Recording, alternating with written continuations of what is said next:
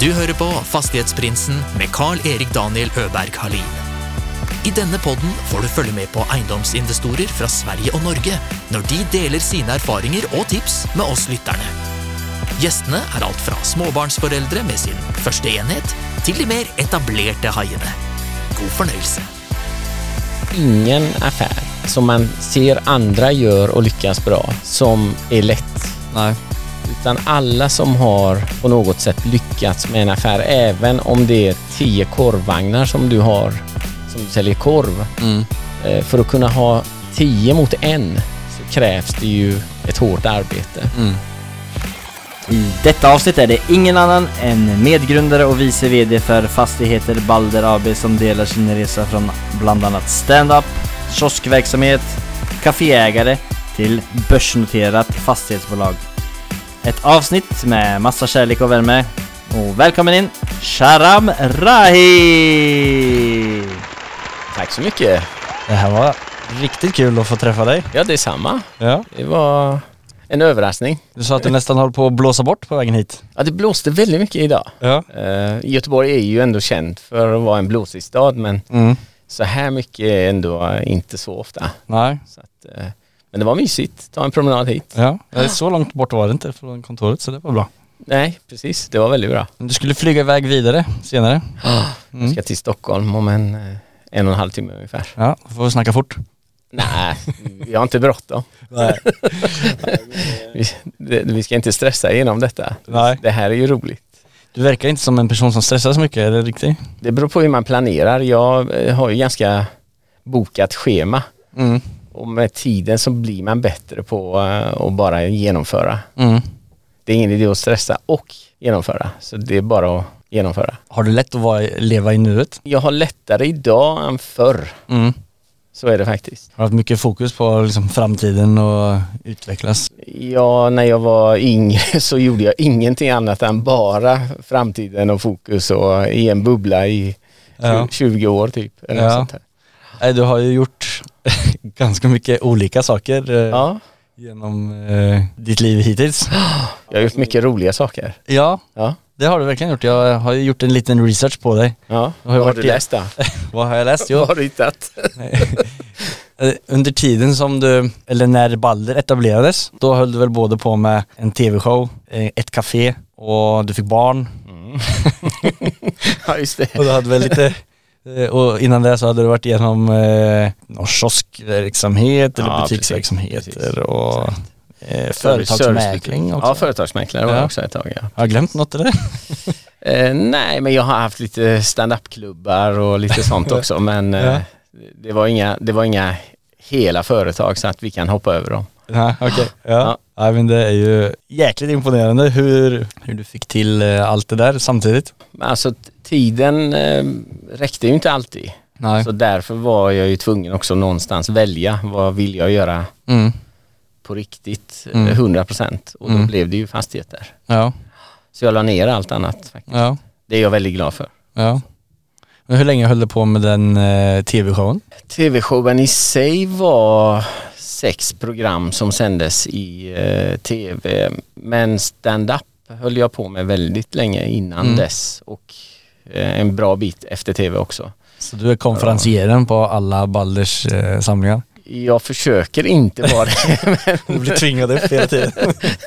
Jag tycker på riktigt att det är lite roligt fortfarande. Ja. Jag, jag, jag tycker ju det är roligt att stå på scen. Jag ska, jag tror det är nästa vecka, ska jag stå på scen i Stockholm Mm. på Fastighetsmässan Mm. Mm. Till exempel. Mm.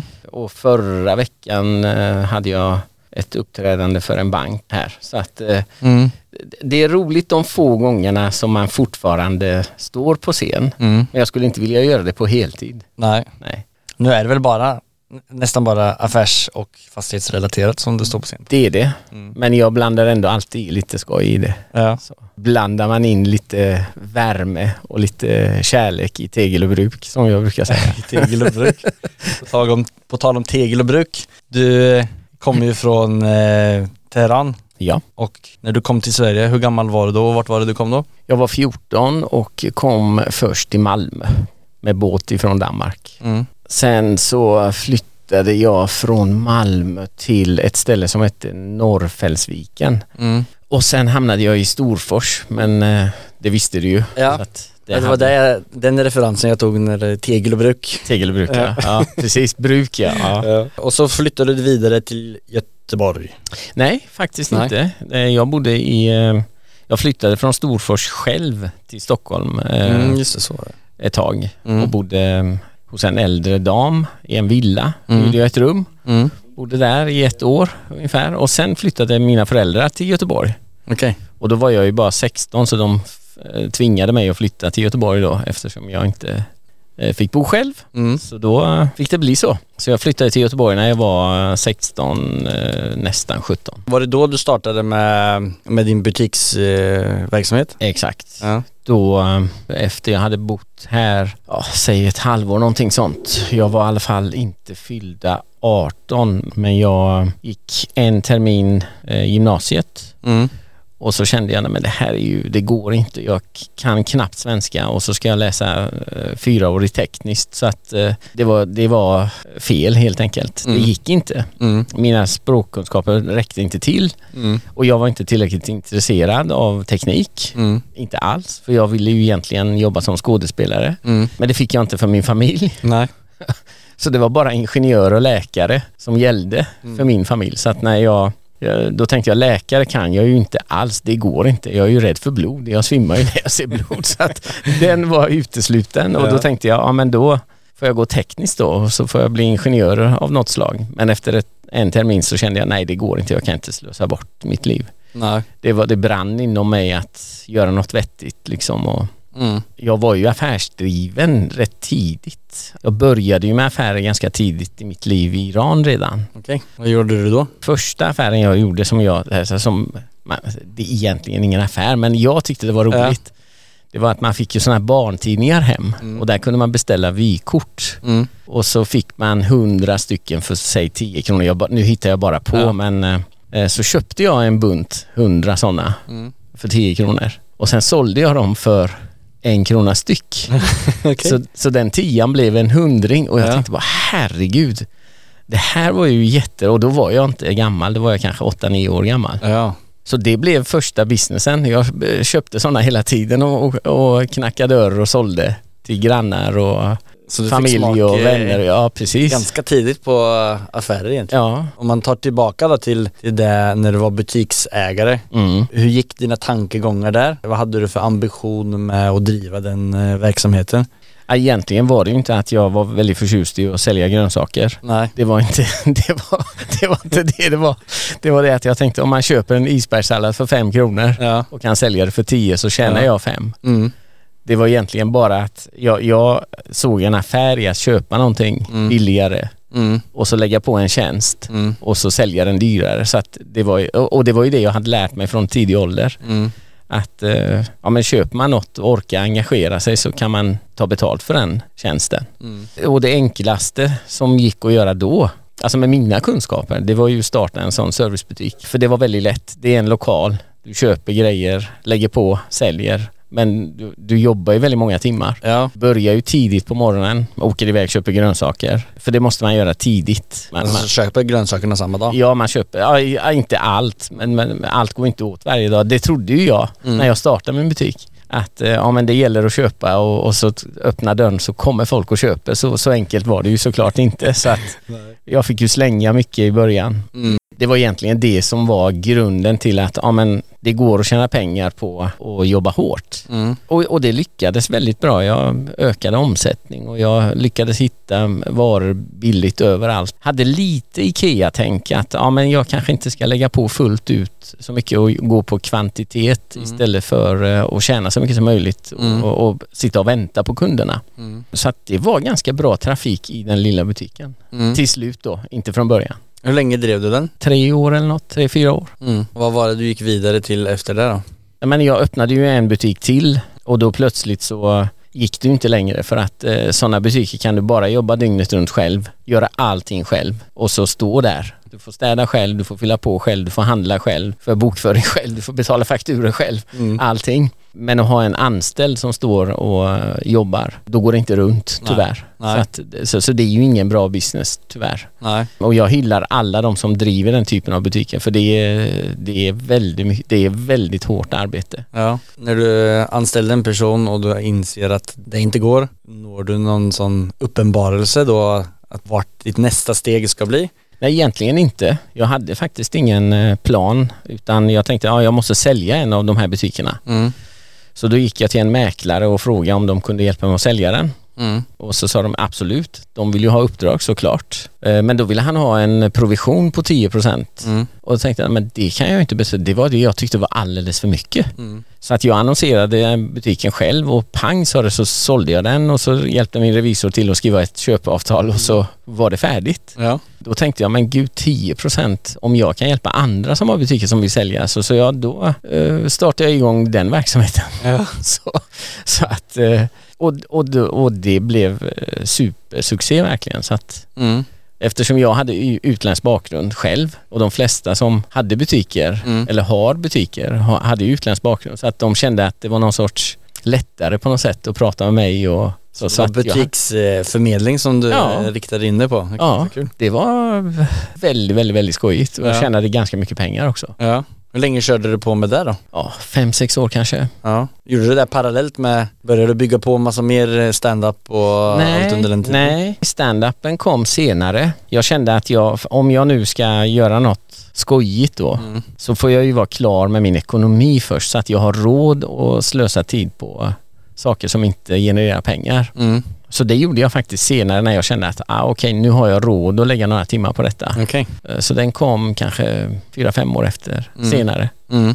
Då hade du kört företagsmäklande i Precis, exakt. Ja. Strukturerad. Hur mycket jobbar du då? då? Ja, det var dygnet runt. Ja. Ja, ja. Har man inget kapital och ett känt varumärke, Mm. det enda man har är ju sin egen tid. Mm. Då får man ju, då får man ju lägga den helt enkelt. Mm. Så att jag, man kan ju inte, om jag har en servicebutik så kan jag inte förvänta mig att bli ICA-kedjan efter ett halvår. Nej. Nej, eller hur? Nej. Vilket jag hade önskat att, att det kunde vara så lätt, men det är ju inte så lätt.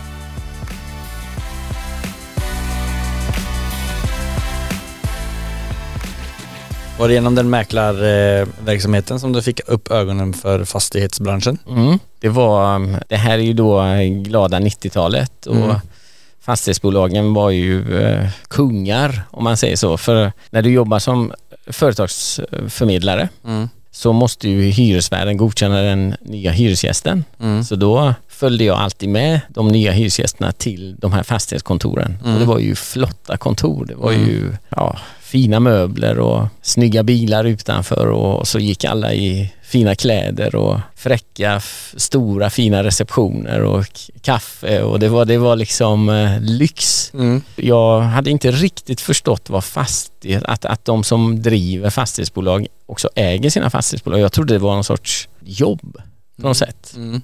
Alltså en typ av förvaltnings... Ja, nej, men jag, jag förstod inte riktigt vad det gick ut på Nej. egentligen. Men jag tyckte att eh, själva konceptet, det var, det var, Resultatet det var- efteråt med det var- kaffe och lite det var mycket guld Ja. och det var, det var, det var inte mycket Jag guld. bryr men- mig inte om de förvaltar eller vad det är, men det kaffe var, ska det, ha. var, det var feta Merca-bilar Ja. utanför och, och sådär. Så, så att jag tänkte, det här Mm. kanske är nästa steg. Och, och så, så jag började forska i vad det där var. Ja. Och då förstod jag att ja, men de här personerna köper fastigheterna, Mm. hyr ut dem Mm. och eh, tjänar pengar på hyror eh, helt enkelt. Och då tänkte jag, ja men hur går det till då? Så började jag forska i det. Jag, jag förstod ju ganska snabbt att ja, men den resan är ganska tuff att göra. Eh, det Alltså etablera ett... ett- ett, Ja men köpa fastigheter, jag menar det var ju, alltså, du behövde ha bra bankkontakter mm. och du behövde framförallt ha nätverk där du fick nys om en fastighet som Mm. var till salu. För det är ju inte så att fastighetsaffärer går ju inte via en GP-annons på samma, alltså det är ju Nej. inte så det funkar. Nej. Så att jag förstod att oj, den här, den här blir ganska tuff. Så, men jag fick ändå nys om eh, efter, efter fastighetskraschen så fick jag ändå på 90-talet, Mm. eftersom jag var i mäklarbranschen, så blev ju ganska mycket lokaler tomma. Mm. Och då, då var ju fastighetsägarna eh, måna om att hitta en hyresgäst så plötsligt var det inte bara affärsförmedling utan det blev ju också lokaluthyrning. Mm. Och då kom jag i kontakt med mycket fastighetsägare direkt. Ja. Det var de som kom till oss och ville att vi skulle hyra ut deras lokaler vilket blev starten till att lära känna fastighetsägare. Mm. Så, så det var vid ett tillfälle som jag såg min chans. Det var två bröder som hade lite hus och eh, jag frågade dem om jag kunde köpa deras hus. Ja. Och de var ju såklart äldre och jag var ju 19-20 kanske. och och eh, så sa han det att eh, ja, du, ja, de- fastigheterna är till salu men hur ska du köpa dem? Mm. Och så sa jag det att nej men eh, ja, jag kan väl försöka. Han tyckte det var oseriöst ungefär så att han ville inte ens prata om det med mig. Nej. Jag förstod då att eh, nätverk, mycket pengar Mm. och eh, bra bankkontakter. Mm. Det var det som var nyckeln till att kunna köpa hus och jag Mm. hade in, ingen av dem. Nej, okej. Jag hade ju inga pengar, inte, inte för att köpa fastighet. Jag, var, jag, var, jag hade ganska bra med pengar, Mm. alltså för att vara så ung Mm. så. Och jag var väldigt, väldigt, väldigt, väldigt sparsam. Ja. Jag köpte inte en korv ute. Alltså, okej. nej, nej, jag var så sparsam. Är du fortfarande så sparsam? Ja och nej. Du kan ta en korv ibland? Nu för tiden? Jag tar en korv ibland, ja, ja precis. Nej men livet förändras ju på många sätt. Så Mm. att eh, man är ju inte själv längre. Nej. Du kommer komma dit. Du har ju barn. Ja, ja precis. Ja, De gamarna. ja exakt. Men betyder det att du la tankarna om att etablera dig inom fastighetsbranschen på hyllan då eller? Ja, alltså jag kände det att jag, jag var ganska trött på mäkleriet Mm. eh, för att det, det var väldigt, väldigt många timmar och det var väldigt mycket ansvar i att se till så att allting landar rätt. Alltså jag, var, jag, var, jag var trött på det och ville, ville liksom egentligen vidare. Mm. Men jag visste inte till vad. Eh, Det var då jag köpte det här kaféet då. Mm. Jag tänkte jag lägger ner mäkleriet men jag Mm. måste ju ha något att göra. Jag hade ju aldrig haft café. Jag tänkte det är ju inte så svårt att sälja Nej. kaffe och bre smörgåsar liksom. Det Nej. var ju, eller hur, det låter lätt, ja. eller hur? Ja, ja. Det är väl enkelt. Sälja så. lite smörgåsar och kaffe. Så. Mm. Vilket visar sig att det var väldigt tufft det Mm. också såklart. Så jag tänkte att ja, men jag får göra det ett tag. Mm. Jag var framför allt väldigt trött på att prata i telefon. Mm. För mäkleri handlar ju om att sitta i telefon hela tiden. Mm. Och på den tiden var det ju så himla traditionellt. Du annonserade vad du har för objekt i salu Mm. en gång i veckan och sen satt du i telefon i stort sett hela tiden för folk ringde ju. Mm. Och så fick du förklara, den har en omsättning på det, den hyr, har en hyra på det, den, han har ägt den så länge och så vidare och så vidare. Du vet, jag var så trött på att prata om samma sak exakt fem dagar i veckan. Mm. Så, så att jag tänkte, café är ju skönt, då slipper jag i alla fall telefon. Och jag ägde faktiskt ingen mobiltelefon på, på några år när jag startade caféet. Jag tyckte det var jätteskönt. Mm. Men som allt annat, du vet, du, du bör- påbörjar en sak, kör det, lär dig Mm. och sen vill man ju utvecklas Mm. och utöka. Så att jag köpte caféet, hade det i ett par år Mm. och så tänkte jag, nej men det här kan vi ju ha fler av. Det Mm. går ju Mm. såklart. Man fungerar ju så, man eh, blir ju rastlös. Mm. Eh, och det var där jag träffade Erik då, Ja. som är min nuvarande kompanjon. Ja, jag har ju lyssnat och du har ju varit med i en annan podcast eh, där du berättar om den eh, Ja. historien. Mm. Eh, och Så den behöver vi inte dra igen. Nej men jag, jag, jag skrattade ganska mycket åt det för det var ganska kul att eh, Erik kom och sa Jag har en, eh, en affärsidé här, eller jag har en eh, Jag har en idé. affärsmöjlighet Ja, jag har en Aff- idé sa han. Ja här, du får 700 lägenheter, du kan förvalta dem Exakt. Exakt så var det faktiskt. Ja, det är ju ganska stort steg in i fastighetsbranschen Nej men det som var intressant med, med när vi träffades var ju faktiskt inte att vi började prata om eh, och jobba ihop direkt utan det var mer att först blev vi kompisar och umgicks ganska mycket. mm. Men vi kunde snabbt förstå att vi har väldigt många gemensamma punkter, alltså Mm. i livet. Mm. Och en av dem var ju vad vi tycker om för mat och inte. Okej Jag, jag tycker inte om lök, Erik Mm. tycker inte om lök. Jag tycker inte om vitlök, han tycker inte om vitlök. Eh, jag, tycker inte om råbiff, han tycker inte om råbiff. Det låter som klassisk såhär eh, bromance Ja, eh, bromance och så, Två enkla Exakt. Du gillar inte lök? Perfekt, Nej. låt Nej, oss men bara vi- gå ihop Ja men vi, det kändes som att vi gillar barnmat båda två. Alltså, vi, att vi, och du vet man har ju alltid skämts för att säga det Ja. sådär men, Ja, men jag kände gud, för en gångs skull så har jag träffat någon som, jag tyckte inte om öl, han tyckte Nej. inte om öl. Nej. Nu dricker jag öl Ja. eh, idag, men, men då i alla fall. Erik. Eh, ja, Mm. han också. Men, så vi har blivit lite vuxnare. Ja, okej. från, men det här är ju också nästan, nästan 30 år sedan. Alltså 93, 94. Mm. Och sen visade det sig att eh, han jobbar med fastighet vilket hade intresserat mig i många år Mm. då. Och eh, han tyckte inte om, eller han var inte speciellt intresserad av, han hejade inte på någon särskild fotbollslag eller Nej. hockeylag eller det gjorde inte jag heller. Nej. Så, och, och våra hjärnor gick i ett om att hur skapar man nästa affär? Mm. Och det, så det var väldigt skönt att, att när vi blev kompisar att vi kunde träffas och prata i timmar utan att det ens kändes att eh, ja men gud nu har vi umgås i fem timmar. Mm. Eh, För vi pratade ju hela tiden om, om de här grejerna. Om hur man kan utveckla ett bolag eller hur man kan eh, göra det eller göra det eller ja, så, så, och det, random, det var inget att vi skulle göra det tillsammans, det var verkligen inte så. Men vid ett tillfälle så, så pratade vi om att köpa hus, eh, för han hade ju redan fastigheter i Skåne. Okej. Och, och Hur stort var det sällskapet som han hade då? jag vet faktiskt inte, men låt säga att eh, säg kanske hundra lägenheter, Ja, lite lokaler och lite sånt. Men i alla fall så, så här, jag vill också köpa, ska vi inte köpa hus ihop? Och, så, och då, då började de här Mm. eh, tankarna och så gick det några år till och då kom han en dag och sa att jag har en idé. Mm. Så att detta är då 99, så det från 95 till 99 pratade vi om olika affärer och Mm. idéer och förslag och företag. Och, Men var det rätt att det var 700 lägenheter som, det är helt rätt, jajamän. var det ett stort steg för honom också? Ja det var det. Ja. Ja det var det. Det var en, det var en jätteaffär. ja. Men det var väldigt, väldigt lärorikt. Mm. Du frågar ju, eh, så som jag har läst till mig, så frågar du Erika, men hur ska man förvalta de här? Nej, det är klippa lite gräs och Ja, det var bara på med blåbyxorna och ut och klippa för ja det, var så, det, var, det, var, det var den bilden han hade. Ja. Och jag tror anledningen till det var ju att han, jag tror inte att han själv hade förstått hur stort det här var. För Nej. att eh, när jag väl kom till det kontoret så visade det sig att det var ju mängder med folk som jobbade där. Det var ju Ja. sex, sju anställda och det var, det var ett kontor och det var liksom eh, två, tre personer på kontoret Mm. och så. Så att eh, Men hur blev er fördelning då eh, när, ni, när ni startade med det där då? Nej, det, det blev ju eh, eh, som det har varit från den dagen att eh, det är ju även så idag på Balder att jag har hand om driften Mm. och han kör finans och transaktion och Mm.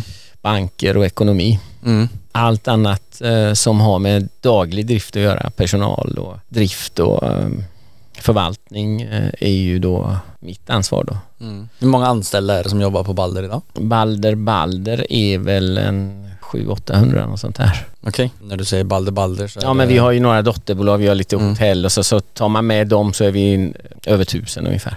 Mm. Alltså, den här podden är ju, har ju fram till nu intervjuat inte så många på din nivå. Mm. Så, Vad är jag på för nivå nu då? som kommer in i, i fastighetsbranschen på 700 lägenheter. nej, nej 700 lägenheter, ja det är den nivån du menar? Ja. Så en fråga, jag har frågat på um, mitt Instagramkonto på Fastighetsprinsen bad folk skriva lite frågor. Mm. Och en fråga som kom många gånger var, vad är skillnaden på att drifta ett sällskap som Balder som är så stort, har de Mm. så många hyresgäster eller lägenheter Mm. eller fastigheter mot ett som kanske har 20 lägenheter, 50 lägenheter. Är dynamiken likadan? Jo, jobbet är ju samma sak. Mm. Man behöver ta hand om sina hus, Mm. man behöver ta hand om sina hyresgäster, leverera service för den hyran man får.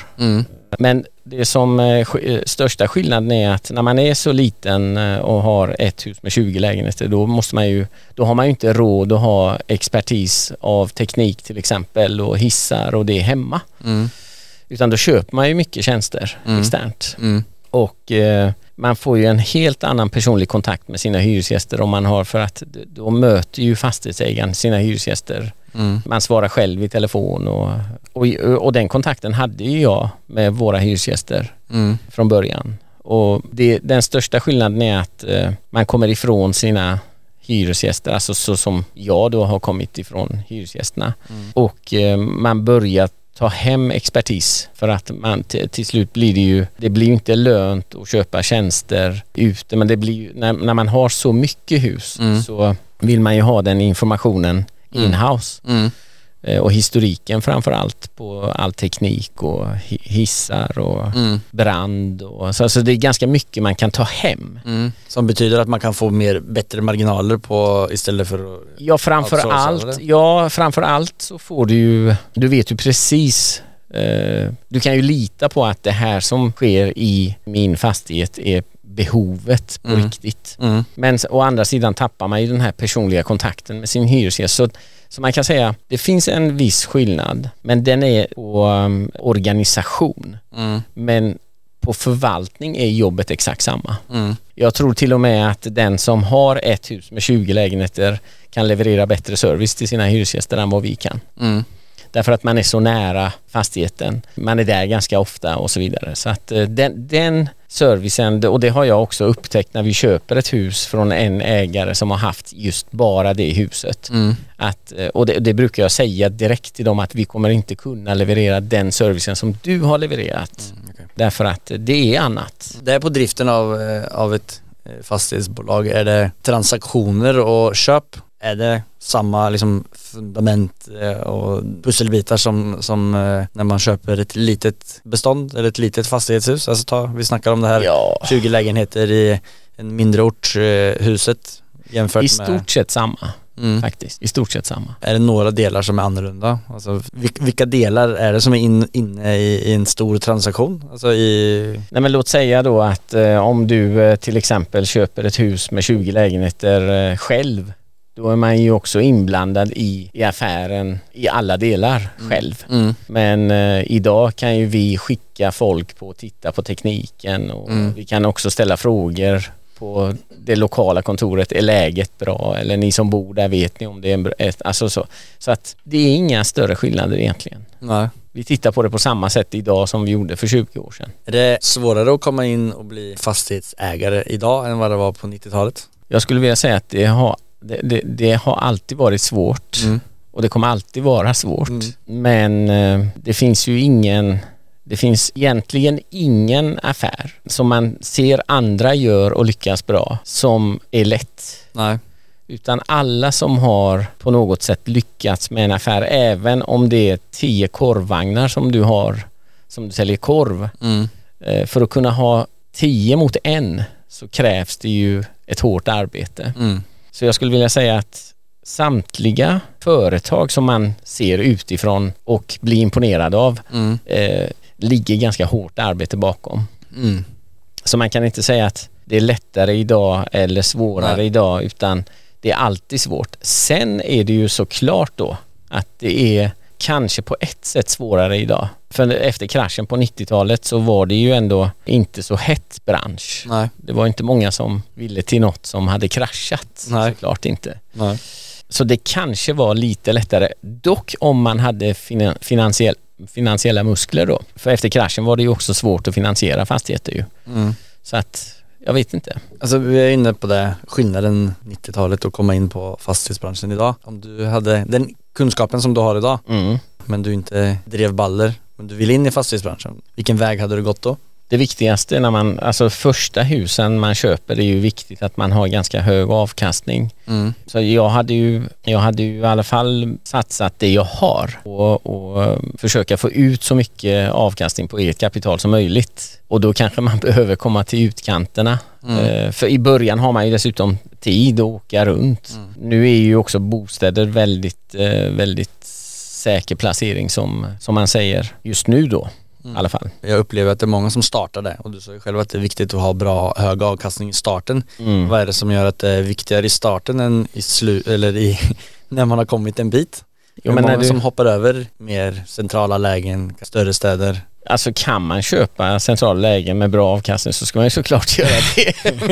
Ja. Jag har inte lyckats Nej. men, eh, De är kanske eh, men eh, svårare att få tag på. ja, ja framförallt så blir det ju, alltså man, du måste ju ändå ha lite marginaler ifall räntan går uppåt. Mm. Alltså man är ju väldigt räntekänslig i början så Mm. är det ju.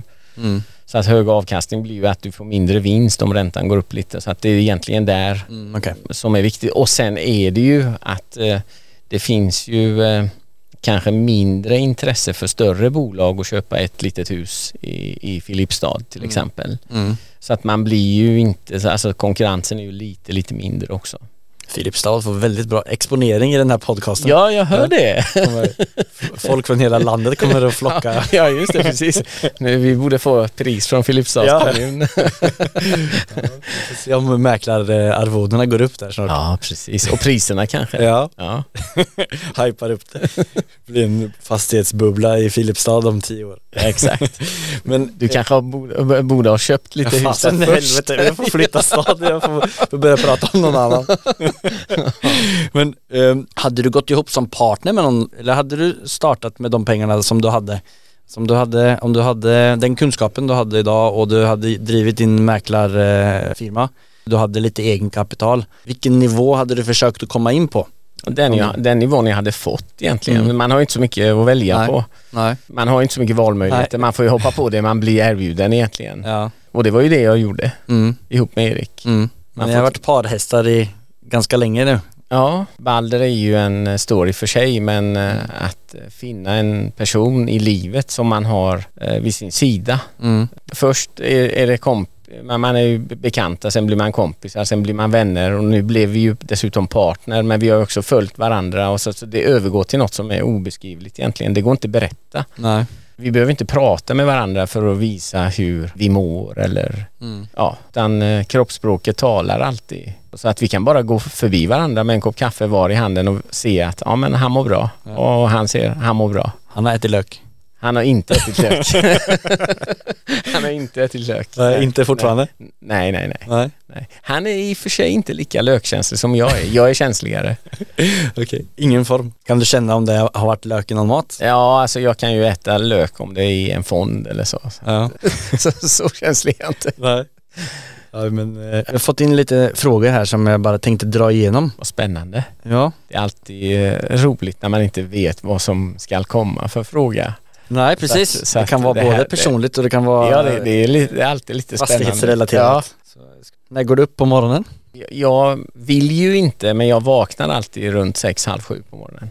Mm. Men jag vill, jag hade önskat att jag kunde sova längre. Ja. Och, och det problemet är att även om jag går och lägger mig två på natten så vaknar jag tyvärr så tidigt. Satans kropp. Ja, jag vet. Balder har ju, startar ju med, med lägenheter och du nämnde att ni har hotell. Vad är det mer, fler verksamheter som ni satsar på? Vi har kommersiella lokaler, eh, vi har lite, kan man säga, livsmedelsfastigheter. Vi har det, vi, vi har inte så mycket eh, industrier. Nej. inte. Men äger ni någon, är det någon hotellkedja som ni äger? Nej. Hur fungerar det? Då äger man fastigheten som Scandic eller någon Ja, annan? Ja, precis. Ja. Exakt. Okej. Har ni ingen paddelcenter? Har vi det? Jag tror... Ja, det, det, säkert någonstans Ja. finns det en paddelhall någonstans Ja. som inte jag känner till då. Nej. Ja, det är ju superhett. Ja, det är verkligen. Många som, eh, Är det lika hett i Norge? nej, det är bara att åka dit och starta. Ah, ja, Håller men det på, kan, ju eller vara håller din, på att booma. Ja. det kan ju vara din affärs... ja. Nästa affärsidé. ja. Hoppas Var ingen på hör det, det. för att... Eh, jag hoppas ingen hör det. Ja. Precis. Nej, men det har börjat komma upp lite men det är ju långt ifrån så populärt som det är, eh, som jag upplever att det ja, är I här. Sverige har varit enormt populärt. Mm. Har du spelat det? Jag har spelat. Det är ganska kul. Det är ganska Man kul. behöver inte vara så bra. Man behöver inte vara så Nej. bra. Helt rätt. Det passar perfekt för mig. Ja, men jag, jag eh, har ju dåliga knän. Mm. Så att eh, jag får egentligen inte spela paddel så därför så försöker jag inte spela paddel. Men det är roligt, jag håller med dig. Hur viktigt är det att nätverka? Jobbar du någonting på det nu? Det beror på vad du menar. Vad är nätverka? Är det här nätverka? Det är väl kanske det. Är det det? Ja. Nej, jag vet inte. Nej, alltså jag, jag, jag tycker inte att man ska försöka nätverka ihjäl sig då, om man säger så då. Mm. Alltså springa på massa, massa, massa, massa saker och eh, mingla med folk och prata. Alltså man behöver ju också ha tid att jobba. Mm. Alltså jag, jag personligen är inte så nätverkig av mig kanske. Nej. Om nätverk är att gå på massa middagar och, och mingel och sånt så är jag usel på det för att jag undviker allt sånt. Mm. Verkligen allt. Varför då? Därför jag vill komma hem till min familj och ja, När du var ung då och drev, eller beklagar den komplimangen, men eh, jag känner mig inte så gammal. nej. Alltså, Ska jag rädda mig från är- den här då? Nej, nej, men du behöver inte. Alltså, jag, jag, Jag vet att jag närmar mig 50 och det, vilket är jättetråkigt. Mm. Eh, Men om man tänker på, om man, om man, jag försöker memorera min pappa när han var 50 Mm. och han kändes jättegammal. Mm. Jag tänker att jag är väldigt barnslig fortfarande Ja. för min ålder. Så jag, jag tar det som en komplimang. Ja, du framstår inte som en eh, nej, inte, gammal nej, tråkig nej, man. Nej, nej. Jag menar när du var eh, Lite när, yngre då. när, när du drev den här mäklarverksamheten Ja. eh, så då träffade du som du sa väldigt mycket folk. Ja, Du, då kombinerade du på ett sätt jobbet och ja. uppsökande. ja, det gör man ju. Men det, det, det, det där är ju mer sälj egentligen. Mm. Så att eh, det är klart jag har gått på massa saker, eh, det har jag ju. Mm. Men eh, om man säger så här då, jag är väldigt pigg på att komma till kontoret. Jag blir tröttare av att eh, gå runt och mingla. Mm. Då känner jag mig trött när jag kommer hem. Har du LinkedIn eller Instagram? Nej, Nej. jag har inget av det. Jag hade LinkedIn. Mm. Men det, det var, eh, alltså frågorna som kommer, eh, vill du bli min kompis Mm. eller så. Mm. Jag kände att, ja men eh, det känns ju konstigt att trycka ja när man aldrig har träffat personen eller så. Jag fattade inte, det här var tidigt. Mm. Jag fattade inte att det inte är så det är Nej. egentligen. Nej. Eh, Så jag hade det ett år och eh, ja, varje dag kom massa förfrågningar, vill du bli min kompis ungefär så. Mm. Och då tänkte jag, men ja till slut så tyckte jag ja på alla. Mm. Men så börjar ju folk kommunicera via LinkedIn, alltså Mm. skicka mail. Mm. Och jag ville ju vara artig och svara alla. Till slut kände jag, nej men jag lägger ju jättemycket tid på att svara alla mail som kommer, eller för, alltså frågor och eh, så. Så jag stängde ner faktiskt. Mm. Ja, och jag har ingenting annat sånt heller. Har du försökt få tag på mig Ja på men det var Facebook? precis, det var bra. Det var, då har jag inte Misslyckats. Då- var jag inte så dålig spion. nej det var du inte. Eh, satsar ni på, det är ju väldigt trendiga ord som är ute och går, proptech och allt som har med miljö att göra. Hur, om vi startar med teknologi och fastigheter, är Mm. det någonting som ni, Ja, vi, ja absolut. Vi, eh, man, ska, man kan ju också säga att det är mängder med olika saker som finns där ute. Mm. Så vi, vi har ju en avdelning som träffar folk och ser vad vi kan göra bättre och så, så vi är ständigt igång med den. Mm. Eh, Men om du frågar mig i detalj vad vi exakt gör, det kan jag inte svara på. nej, men i jämförelse med många andra branscher så upplever jag att fastighetsbranschen är ganska lite digitaliserad. Kanske. Jag, jag vet inte Nej. hur de andra branscherna funkar men, men eh, man själv blir ju imponerad om man har varit eh, beställt någonting och så får man en fråga direkt en sekund efter. Vad tyckte du om oss och sådana saker. Mm. Alltså, så om det är det du menar så där Nej jag vet inte, Eh. jag bara tänker på, det finns väl massa appar och eh, Jo men sånt har vi ju. Appar och hemsidor och sånt har vi. Ja. det låter som att det, du inte jobbar i den avdelningen som håller på med det där. Jo men vi har ju sånt ju. Vi har en hemsida. Valde.se Ja, Kan du skicka den på brev sen till mig då? Ja, men alltså på riktigt så jag, jag trodde ju att eh, jag var ju bland de som trodde att eh, internet och mail och sånt var en fluga. Jag var det. Okej. Så att första, Så alla första företag som ville förmedla dig, det, pff, gå härifrån. Nej, nej men för, första året som, som folk började skicka mail, jag svarade dem inte. Jag tänkte, vad är det här? Skicka ett brev istället, vad håller ni på med? Ja. Jag tänker inte svara på sånt. Du är lite internet-hater fortfarande hör jag. Nej det, nej, det är jag inte. Men det är bara det att jag, jag kan det för dåligt helt Ja. enkelt. Mm. Jag önskar jag kunde Mm. mer. För när jag tittar på en, ungdomarna så blir jag lite avundsjuk på dem att de är så himla snabba med att sätta ihop grejer och klippa ur bilder och sätta in nya bilder. Och, Ja. Ja, så, så såg, att, nej, hater är jag inte. Jag är egentligen ingen hater som människa. nej, det, Nej. verkar, det framstår det verkligen inte som. Jag hoppas verkligen att inte Nej, du- folk efter den här podden bara oj vilken hater. nej, det tror jag, tror jag lyser igenom ganska bra. Jag har en gammal samarbetspartner ifrån Norge som gick över till ett eh, sällskap som heter Avaio som jag såg att ni var involverade i. De höll på att hyra ut kontorslokaler och massa spännande grejer runt omkring det. Så det, den, eh, den tycker jag ser väldigt spännande ut. Vad roligt. Mm. Ja. Vi eh, hoppar vidare till vårt nästa segment som heter Affärsanalysen. Mm. Det är det segmentet där vår gäst delar med sig om deal genomförd och då någonting lärorikt från den. It has not been easy for me. And, you know, I, I started off in Brooklyn. My father gave me a small loan of a million dollars. Affärsanalysen. Ja. Jag, ska jag avslöja mina hemligheter här nu? Ja, det var det. det jag hade Är det- hoppats på. Är det det som är poängen med den här podden? Ja, alltså? och nu måste dessvärre Sharam åka till Stockholm. Nu så går tåget. Ja. Ja, nu ehm, kommer ju inte detta spontant då för alla Mm. lyssnare utan Daniel har ju förberett mig på detta så att jag har faktiskt tänkt igenom det här Mm. lite. Mm. För att eh, hade du ställt en fråga, alltså det, det, det- om man får en sån här fråga spontant Mm. Så kan man faktiskt inte svara på den spontant. Då hittar man bara på någonting som man kommer ihåg. Mm. Nu har jag grävt i mina Oj. minnen ja, och kommit fram till att eh, jag eh, har gjort, eller jag jobbar på ett visst sätt som egentligen kommer från en lyckad process som jag hade för många, många år sedan. Okej. Som har följt med mig och det genomsyrar också faktiskt eh, vår förvaltningsorganisation Mm. på ett bra sätt. Mm. Eh, vilket är att eh, när vi 2006 då, skulle, då var jag i Stockholm för att starta upp vårt Stockholmskontor Mm. För Balder startade 2005. 2005. Ja. Och vi, vi egentligen hade vi ju ett kontor också 2000, från 2005 men jag åkte och var i Stockholm från 2006, 2007 någonting sånt där. Mm. Och eh, då hade vi inte jättemycket hus i Stockholm men vi hade några stora hus som eh, hade en hyresgäst som hyrde kanske 3000 kvadrat och en Mm. hyresgäst som hyrde 2000 kvadrat och sådana här saker. Och eh, mina första veckor i Stockholm så fick vi faktiskt uppsägning på tre stora hus Okej. för avflytt. Vad sa du för? Avflytt, det betyder att de ville lämna tillbaks huset. Och det var ju katastrof för oss då Ja. på den tiden. Mm.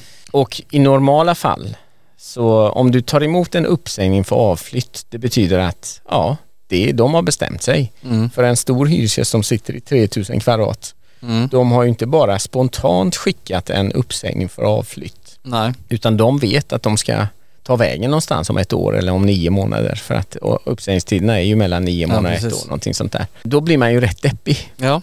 Och det var ju starten liksom. Det var ju katastrof verkligen. Hur stor del av er portfölj? Ja men låt säga att det var kanske 25 procent av vår Stockholmsomsättning, ungefär 30-40. Alltså, det- jag minns inte exakt men det, det var i alla fall, ska, det skakade om. Mm. Och då kände jag, nej men det här får ju inte hända. Så istället för att bara ta emot det och skita i och skicka en bekräftelse så ringde jag samma sekund och bokade möte med dem Mm. som hade sagt upp. Och eh, träffade dem, pratade med dem länge och lyckades faktiskt vända alla tre till att stanna istället för att flytta. Okej. Hur- Vilket lärde mig, och det här är ju då någonting som har följt med mig att om man kommunicerar med människor, även om de har på papper bestämt sig för någonting, så är det ju väldigt bra om man ändå hör av sig och säger och ser om det finns en räddning, Mm. även ett beslut. Och eh, sen fick vi väldigt god relation med de här hyresgästerna och, och de blev kvar mycket längre än vad vi hade eh, trott Mm. också. Var det tre olika företag eller? Det var tre olika företag, tre olika hus. Så att jag lärde mig att ja, men det behöver inte vara kört när man tror att det är kört. Nej. Men det har med dig att göra, Ja. vad, hur du hanterar ett dåligt besked. Mm. Så jag lärde mig att dåliga besked är inte till för att sitta och deppa. Nej. Dåliga besked ger dig bränsle att kämpa. Mm. Det kräver ju såklart där och då att du också samlar kraft. Jag visste inte på riktigt. Det låter ju så nu när jag berättar att ja, jag samlade kraft och Mm. hit och dit. Jag tänkte inte ens då. Jag fattade senare vad jag hade gjort. Mm. Så att eh, jag ska inte låta som en gammal farbror som ska lära folk hur de ska göra men jag förstod senare att oj, det här jag gjorde var ju faktiskt på riktigt något som är också olikt branschen. Ja. Eftersom jag inte är upplärd i branschen utan lärt mig själv Mm. så har ju jag gjort saker som inte är skrivet i förvaltningsböckerna. Nej precis.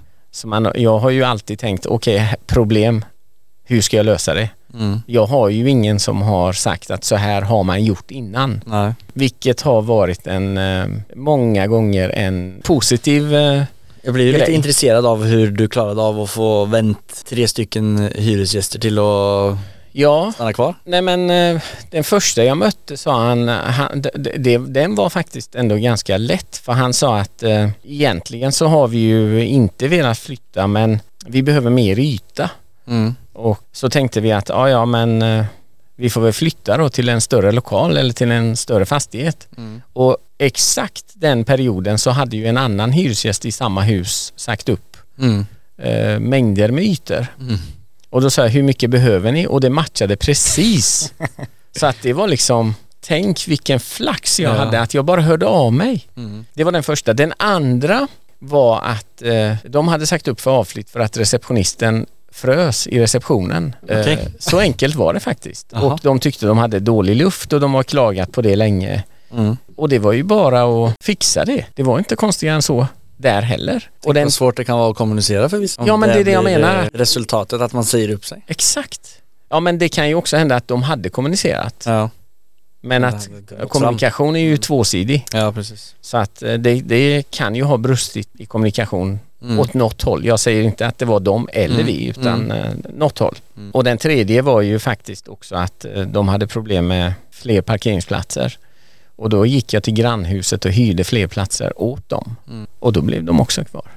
Så att, eh, Har det varit så lätt i efterhand också att stoppa uppsägningar? Eh, Ja, alltså både ja och nej. All, alla fall går ju inte. De tre som var avgörande, inte kanske avgörande på det sättet, men Mm. ganska viktiga, är jag glad att de var så lätt. Mm. Alltså att jag lärde mig någonting av det. Mm. Så det, det, det är mitt budskap till, om det nu är så att eh, total, ja, det lärde mig inte bara i fastighetsbranschen. Mm. Jag lärde mig av det att dåliga besked är inte katastrof. Mm. Man behöver bara landa och sen snabbt tänka. Mm. Vilket eh, har varit viktigt för mig, nyttigt för mig i livet totalt sett. Ja, ja, men det var ett För det är väldigt lätt att man- tips. Man eh, gräver ner sig med ett dåligt besked ju. Ja. För du frågade mig också förut, lever du i nuet? Mm. Det är en del av att lära sig att leva i nuet också. ja men det var väldigt bra, bra läropoäng i, i den dealen. Att man eh, inte ska ge upp utan bara köra på och hur man hanterar saker och ting. Mm, Mm. precis. Ja. ja men jättebra, då hoppar vi vidare till vårt sista segment som heter Fyra frågor. Fyra snabba eller vil- vilket fotbollslag jag hejar på? Nej, sånt, eh, det här är inte den. Jag hade, jag hade sju frågor, sju snabba frågor som jag inte har hunnit ta. Men eh, Aha. Pratar jag för mycket kanske? Nej då, det är så mycket, jag tänkte det är bättre att ha för mycket grejer om jag inte leder intervjun så Har jag lyckats att tråka ut en norrman? Tråka ut har du verkligen inte gjort. Jag har fått, eh, min hjärna, håller, eller mitt huvud håller på att explodera av alla bra grejer. sant? Det är superbra.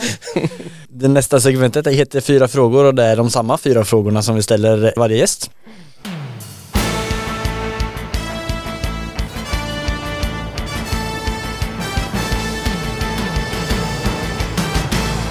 Cuatro preguntas. Och eh, den första frågan är vad är det som skiljer från en framgångsrik entreprenör mot de som inte lyckas, slutar eller aldrig kommer igång? Nej men de som aldrig kommer igång har väl inte bestämt sig 100% då. Mm. Och sen mellan den eh, framgångsrika och den som inte är så framgångsrik, där kan ju faktiskt, eh, det kan ju vara så enkelt som att man bara haft lite otur också. Mm. Men har man kämpat då ska man ha med sig att eh, det spelar egentligen ingen roll. Har man en idé och kämpar och står för det och jobbar hårt, även om man inte lyckas så är det en heder i det faktiskt. Mm.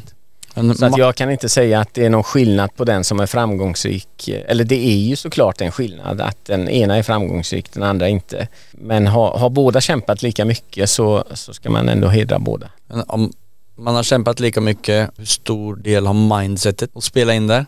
Ja, har du ibland- tänkt stort? Nej men ja, jag har ju, eh, jag har tänkt stort. Det Mm. har jag, vilket jag har sagt också till folk att om ni drömmer, dröm stort. För rätt som det är så sitter ni i den drömmen och då blir man ganska tom. Mm. Men eh, jag, jag kan ju också säga att ibland har man en idé som man tror på väldigt mycket själv men omvärlden köper inte den idén. Mm. Men man har ju ändå kämpat för den. Mm. Och alla orkar inte för den som egentligen aldrig börjar är ju den som inte ens tror på sin egen idé fullt ut. Mm. Så att enda skillnaden är att jag, jag, tror all, jag tror att båda har kämpat, både den som har lyckats och inte lyckats. Mm. Men eh, kanske för den som inte har lyckats har inte idén varit tillräckligt Nej. stark för omvärlden. Nej.